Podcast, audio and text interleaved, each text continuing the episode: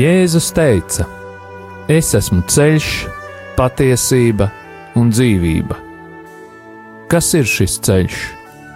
Kā to atrast? Par to raidījumā Ceļš pie viņa. Raidījumu vada Normons Grasmanis.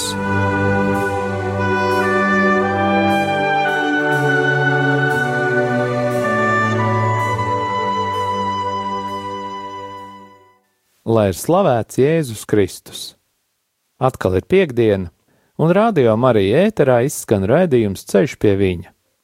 Vēlos atgādināt, ka raidījuma e-pasta adrese ir ceļš pie viņa at gmail.com. Turpinu pateikties visiem klausītājiem, kur atceras mani un pārējos radio Marija darbiniekus, brīvprātīgos un arī ziedotājus savās lūkšanās. Vēlos pateikties katram klausītājam, kurš ar savām lūkšanām un finansiālo ziedojumu atbalsta radio Mariju skanējumu ēterā, lai Dievs jūs bagātīgi svētī un arī katru atbalstītāju un visus mūsu kopumā. Un tagad, kā jau ierasti, lūgsim aizsardzības lūgšanu par radio Mariju darbiniekiem un brīvprātīgajiem, par katru klausītāju un mūsu ģimenes locekļiem. Jēzus Kristus vārdā mēs pārņemam autoritāti par savu ģimeni un sasaistām visus ļaunos spēkus un varas gaisā, telpā, zemē, ūdenī, pazemē, dabā un ugunī. Dievs, tu esi kungs pāri visam visumam, un mēs atdodam tev slavu un godu par tavu radību. Tavā vārdā, Kungs, Jēzu Kristu, mēs sasaistām visus demoniskos spēkus, kas ir nākuši pār mums un mūsu ģimenēm, un ieslēdzam mūs visus tavu dārgo asiņu aizsardzībā, kas mūsu dēļ tika izlietas pie krusta. Marija, mūsu māte, mēs lūdzam tavu aizsardzību un aizbildniecību pār mums un mūsu ģimenēm ar svēto Jēzus sirdi. Ietin mūsu savas mīlestības apmetnī un sakauj mūsu ienaidnieku. Svētais arcēnģeli Mihēlu un visi mūsu sargaņģeļi. Nāciet aizsargāt mūsu un mūsu ģimenes šajā cīņā pret visu ļauno, kas ir šajā pasaulē. Jēzus Kristus vārdā un caur viņa dārgajām asinīm mēs sasaistām visas ļaunuma varas un pavēlam tām atkāpties šajā brīdī no mums, mūsu mājām un mūsu zemes. Mēs pateicamies Tev, Kungs, Jēzu, jo Tu esi taisnīgs un līdzjūtīgs Dievs. Āmen! Jēzus Kristus vārdā un Viņa krusta un Viņa izlieto asiņu spēkā mēs sasaistām jebkura ļaunuma varas spēku garus un pavēlam tiem, lai tie nebloķē mūsu lūgšanas. Mēs salaužam jebkurus lāstus, burvestības, kas ir vērsti pret mums, padarot tos tukšus un bezspēcīgus. Mēs salaužam jebkuru uzdevumu, kas ir dots jebkādiem gariem, kas vērsti pret mums, un sūtām viņus pie Jēzus, lai viņš dara ar tiem, ko vien vēlas. Kungs, mēs lūdzam, lai tu svētī mūsu ienaidniekus, sūtot savu svēto garu pār tiem, lai vadītu viņus uz grēku nožēlu un atgriešanos. Mēs pārcērtam jebkādas saites un saziņu ļauno garu pasaulē, kas ietekmē mūsu un mūsu lūgšanu. Mēs lūdzam Jēzus izlieto asiņu aizsardzību pār mums un mūsu ģimenēm. Paldies, Tev, Kungs, par Tavu aizsardzību! un sūta pār mums savus eņģeļus, jo īpaši svēto erceņģeli Mihēlu, lai viņš mums palīdz šajā cīņā. Mēs lūdzam tevi, vadi mūs mūsu lūgšanās, un izlaies pār mums ar savu svēto garu, tā spēku un žēlsirdību. Āmen! Šodien mēs turpinām raidījumu ciklu par brīvmūrniecību vai masonu ordeni.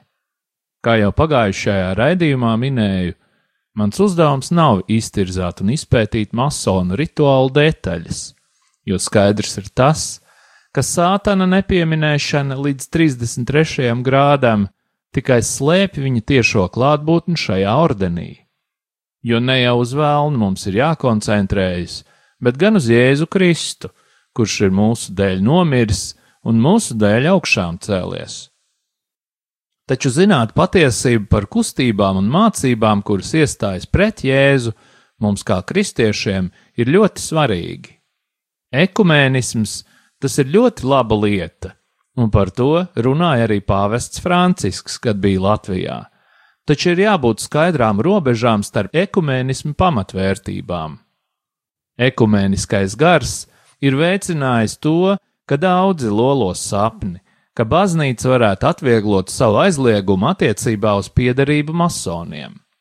Un raugoties virspusēji, aizlieguma saglabāšana varētu likties ir šķērslis konkrētām ekumēniskām iniciatīvām. Tomēr ir jāatceras dažas lietas. Mēs redzam, ka lielākā daļa pasaules kristiešu pieder baznīcām, kas aizliedz vai atrunā no dalības brīvmūrniecībā.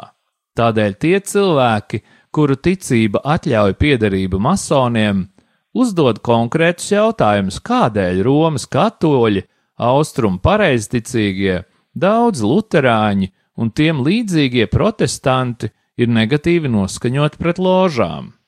Tēvs Valtons Hannahs par to saka: Visas baznīcas, kas jebkad ir nopietni pētījušas masonu ticības mācību un secinājumus, kas no tās izriet, neizbēgami noraida brīvmūrniecību. Tāpat ievērojamais anglikāņu teologs dr. Huberts Boks savā pētījumā Masona būtība kritizē masonu ložas mērķus, jo tās galvenās vēlmes esot saistītas ar to, lai tā mācītu cilvēkiem par dieva būtību. Taču tikai Kristus baznīcas patiesais uzdevums ir mācīt cilvēkiem par dieva būtību, jo tas pamatojas baznīcas dievišķajā misijā.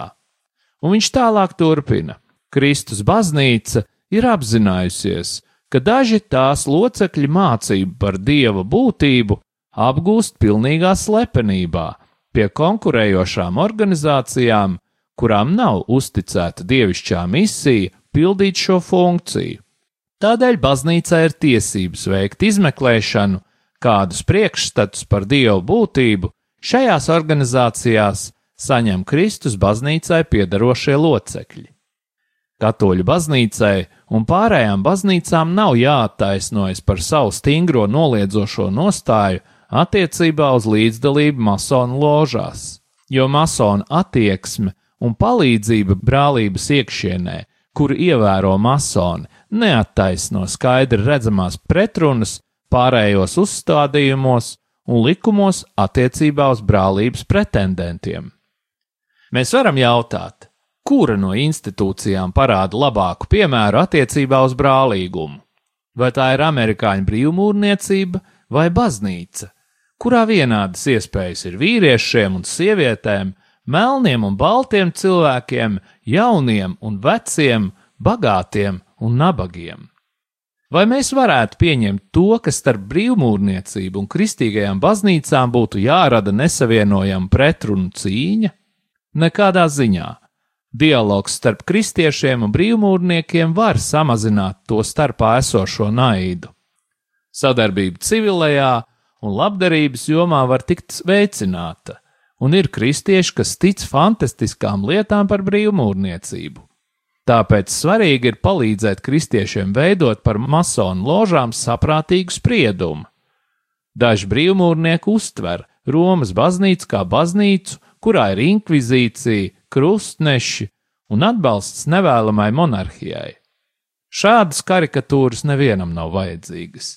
Tādēļ katoļu baznīca šobrīd veido dialogu ar daudzām protestantu un austrumu pareizticīgo baznīcām un pat nekristīgām apvienībām, jo, piemēram, tas fakts, ka Romas katolis nevar piederēt pie islāma piekritējiem, nenozīmē, ka dialogs nav iespējams starp katoļiem un musulmaņiem. Un tagad pievērsīsimies nopietnai problēmai, kas ir radusies tiem katoļiem, kuri kļuvuši par masonu ložu locekļiem pēdējā laikā. Šīs situācijas risinājumā ir nepieciešama īpaša takta izjūta. Ir masoni, kuri sasnieguši šī ordeņa 32. grādu un ir aktīvi katoļu draugu locekļi. Tāpat viņi ikdienas pieņem svēto komuniju. Viņi bija lūguši atļauju saviem mācītājiem vai biskupiem iestāties masonu ložā. Daži kristieši tikai nesen bija pievērsušies ticībai un sākuši iet uz baznīcu, taču neviens viņiem nelika atteikties no dalības brīvmūrnieku brālībā. Masoni bija izpētījuši kardināla Sepera pozīciju 1974. gadā, kas ietver sevī to, ka, lai iesniegt pieprasījumu par iestāšanos ložā, no bīskapa vispirms ir jādabūna atļauja. Tāpēc ir radusies situācija baznīcā, ka atsevišķu priesteru neizpratnes vai nezināšanas dēļ šādas atļaujas tika saņemtas. Tas arī ir iemesls noteiktai masonu rīcībai attiecībā uz dalību baznīcā un svēto komuniju. Masonu ložā ir svarīgs noteikums – ka neviens nedrīkst kādu piespiest iesaistīties organizācijā, jo personas uzņemšana masonu ložā nedrīkst būt atkarīga no kāda cita cilvēka gribas. Tāpēc šīs problēmas risinājuma iespēja šādiem cilvēkiem varētu būt pasīvas dalības nodrošināšana masonu ložā. Ar apustuliskās kongregācijas dekrētu un sanktorumu apustuliskā delegācija saņēma pilnvaru atbalstīt pasīvu dalību ložā, ņemot vērā šādus noteikumus. Pirmais. Ja pieprasījuma iesniedzējs pēc savas brīvas gribas ir pierakstījies sektā, pirms ir uzzinājis, ka tas nav atļauts. Otrais punkts. Viņi var palikt kā pasīvi sektas locekļi, ja tas neizraisa skandālu vai tam var rast atbilstošu paskaidrojumu, kā arī lai saglabātu savas priekšrocības. Viņiem ir jāturpina aktīvā līdzdalība baznīcā, tāpat jāsniedz materiālie ziedojumi. Trešais punkts. Ja atteikšanās no masonu brālības var nopietni kaitēt viņiem vai viņu ģimenēm. Ceturtais. Ja nepastāv bīstamība, ka brālības biedrs vai viņa ģimene var atteikties no īstās un patiesās ticības, īpaši slimību vai nāves gadījumos. Protams, ka šāds risinājums nav ideāls. Baznīca norāda, ka cilvēkam jāpilda noteikumi un jādod arī desmitā tiesa. Ir jāatturas no masonu literatūras lasīšanas, nedrīkst piedalīties masonu bērnu ceremonijās un tā tālāk. Citiem vārdiem sakot, tu vari palikt masonu brālības biedrs, taču neuztver to nopietni. Diemžēl daudz biskupu un priesteru uzskata, ka masonu ložas ir tādas brīvprātīgas apvienības, apusējas izdevības nodrošināšanai, kā piemēram Kolumba bruņinieki. Tā masoni, viņu atraitnes un bez vecākiem palikušie bērni no brīvmūrnieku brālības var saņemt finansiālu palīdzību. Tomēr brīvmūrniecība nav apdrošināšanas apvienība, Masoni savām lielajām ložām nepērk apdrošināšanas polises, un izstāšanās no ložas nenozīmē to, ka tiks zaudēta apdrošināšana. Ir izplatīts viedoklis, ka lielākā daļa masonu ir pasīvu brālības biedri. Ložas parastie pienākumi nav īsti pievilcīgi, jo kandidāti tiek pavadīti cauri trim pakāpēm. Tā masonu ložās, kur ir simtiem locekļu, mēdz būt tā, ka ir grūtības sasaukt kopā pietiekami daudz biedru, lai izpildītu rituālus. Amerikāņu masoni, kur ik pa laikam bez obligātajiem rakstiem palasa vēl kaut ko, satiekas ļoti reti un reizēm pat nezina, ka eksistē masonu pamata grāmatas, tādas kā Paiks un Makejs. Brīvmūrnieku naturālismu viņi izbauda pilnīgi neapzināti, tomēr dzīvo ar šo pasaules redzējumu. Taču būsim godīgi. Uz pasaules ir miljoniem katoļu, kas arī ir pasīvi vai nomināli baznīcas locekļi.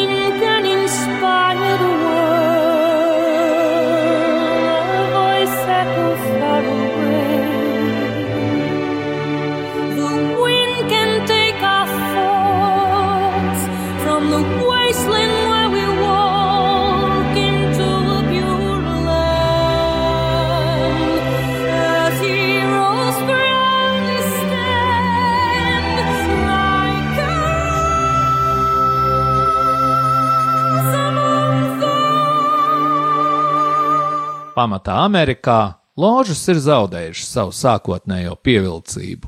Kaut gan izņēmums ir tās, kas darbojas dienvidos un tās apkārtnē. Izteicienu vidusmēra mafija, ko mēdz lietot runājot par angļu brīvmūrniecību, šķiet ar vien vairāk var piemērot amerikāņu ložām.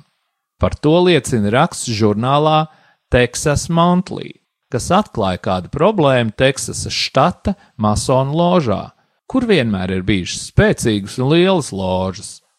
Ja tendence piesaistīt jaunus biedrus tuvākajā laikā nemainīsies, pēc simts gadiem Teksasā paliks tikai daži masoni. Brīvprātīgo skaits abos ordeņos, Baltajā un Melnajā ložā, pastāvīgi samazinās jau no otrā pasaules kara laikiem. Citos brālības ordeņos, tādos kā Lionas un Rotārija klubi, iet nedaudz labāk, jo tie ir cieši saistīti ar ekonomiku.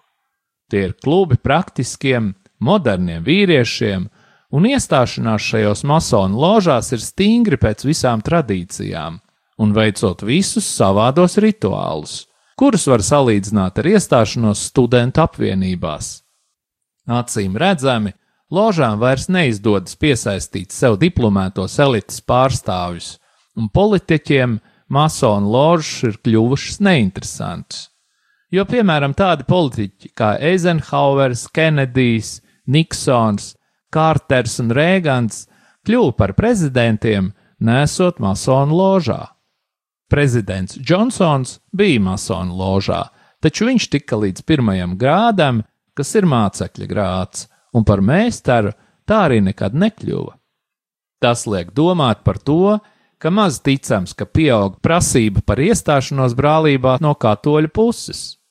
Piedāvājums izveidot kontaktus ar citām līdzīgām organizācijām un uzturēt ar tām attiecības ir tik lielas, ka nav speciālas vajadzības stāties masonu ložā. Cilvēkiem ir izvēle stāties tādās organizācijās, kuras ir saistītas ar masonu ložām, vai arī desmitiem citu valsts vai baznīcas dibinātām institūcijām.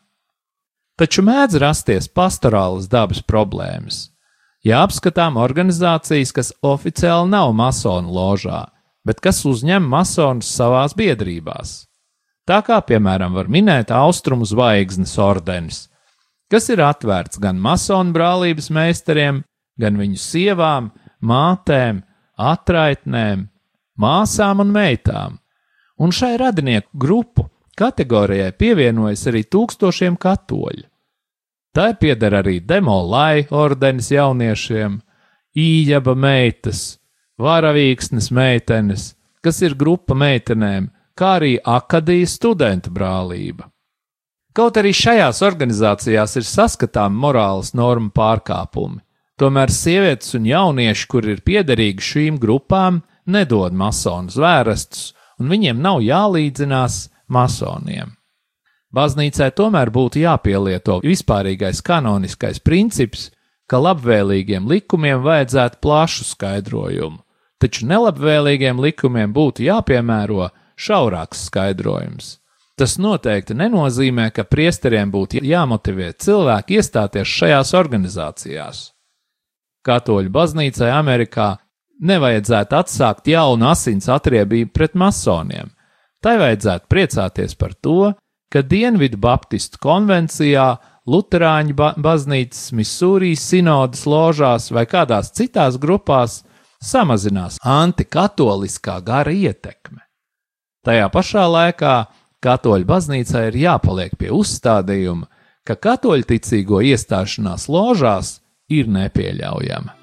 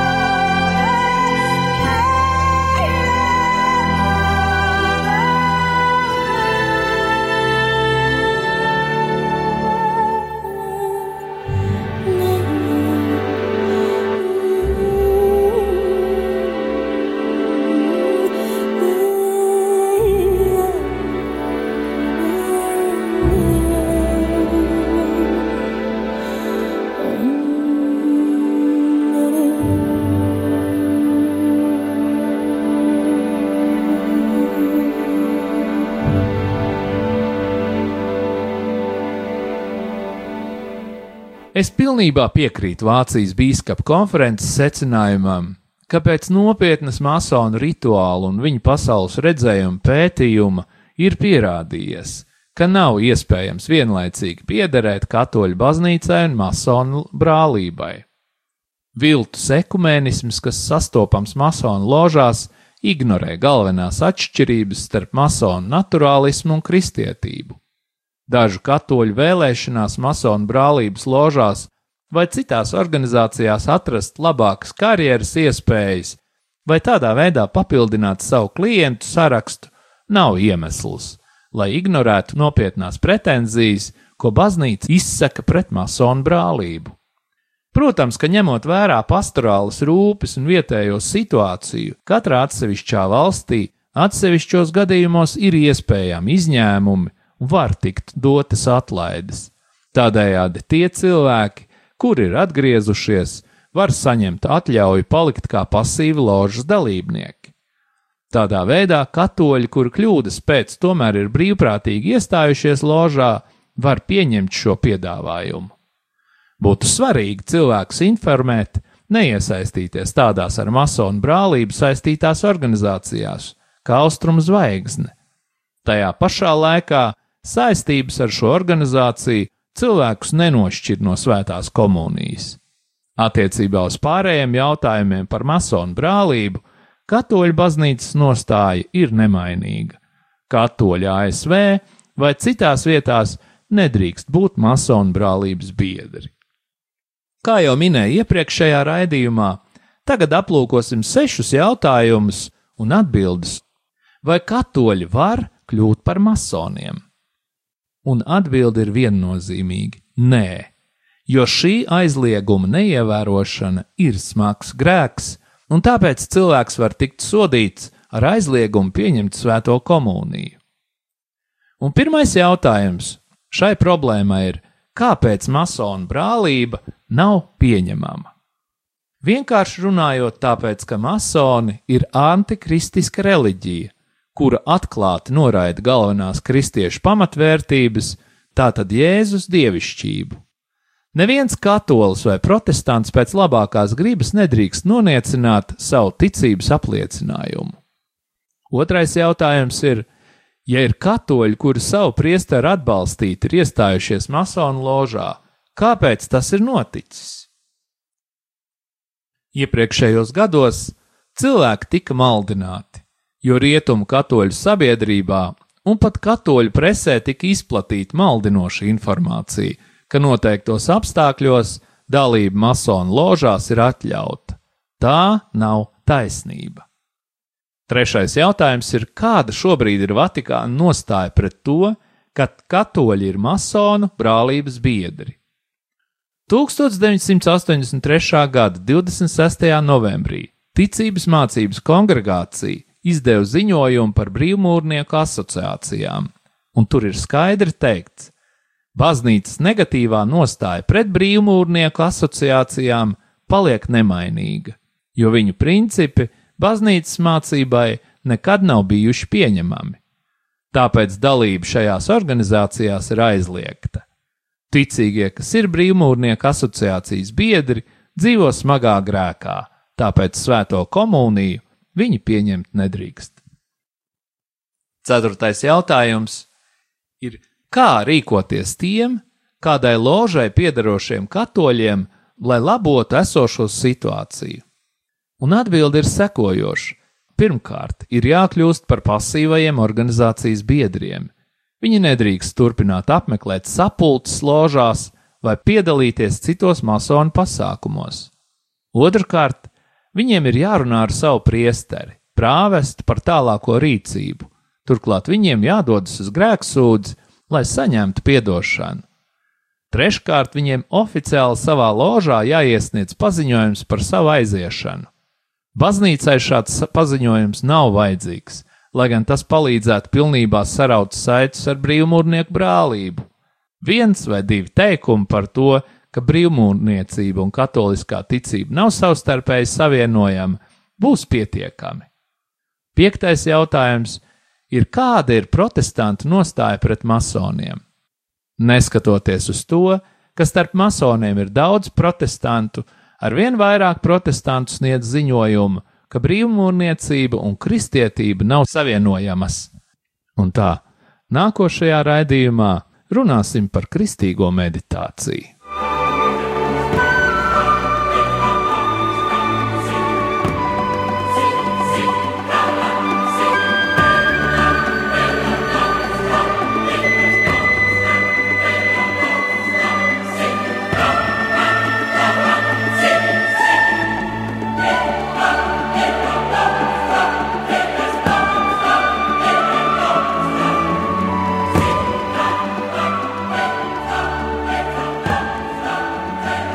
Un tagad mēs iestājamies lūgšanā pret sātanu sistēmu un tās darbībām mūsu ģimenēs.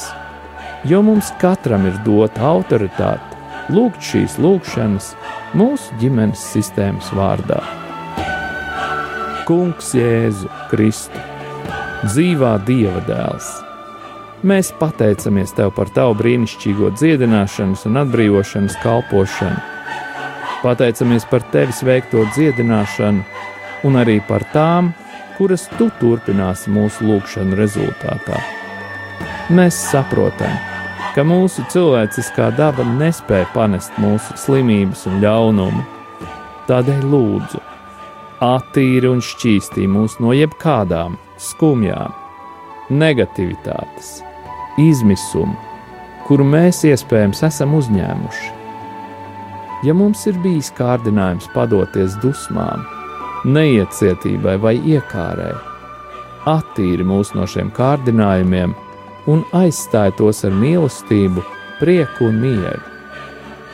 Ja mūs jau kādā veidā ir pārņēmis un nomācis kāds ļauns gars, Jēzus vārdā mēs tev tagad pavēlam aiziet zemes, gaisa, uguns vai ūdens gars nāves valstības vai dabas gars, tieši pie Jēzus, un lai tiem notiek pēc viņa gribas.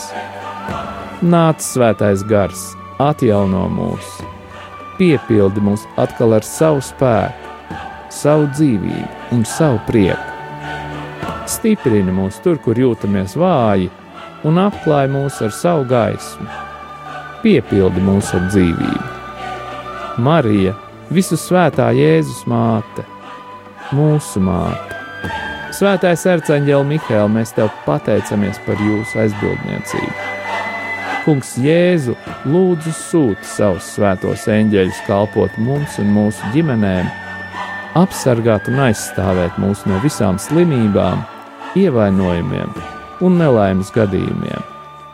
Lai mūsu ceļojumi ir droši, mēs tevi slavējam! Tagad un vienmēr, Tēvs, Dēls un Svētais Gars.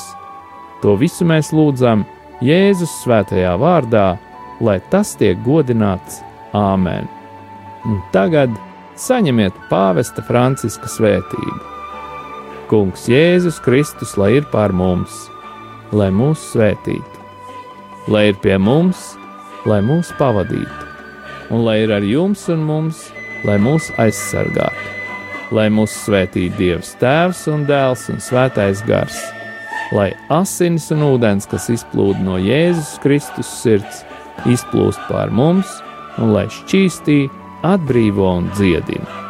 Saņemiet svēto garu, Dieva Tēva un Dēla un Svētā gara vārdā Āmen!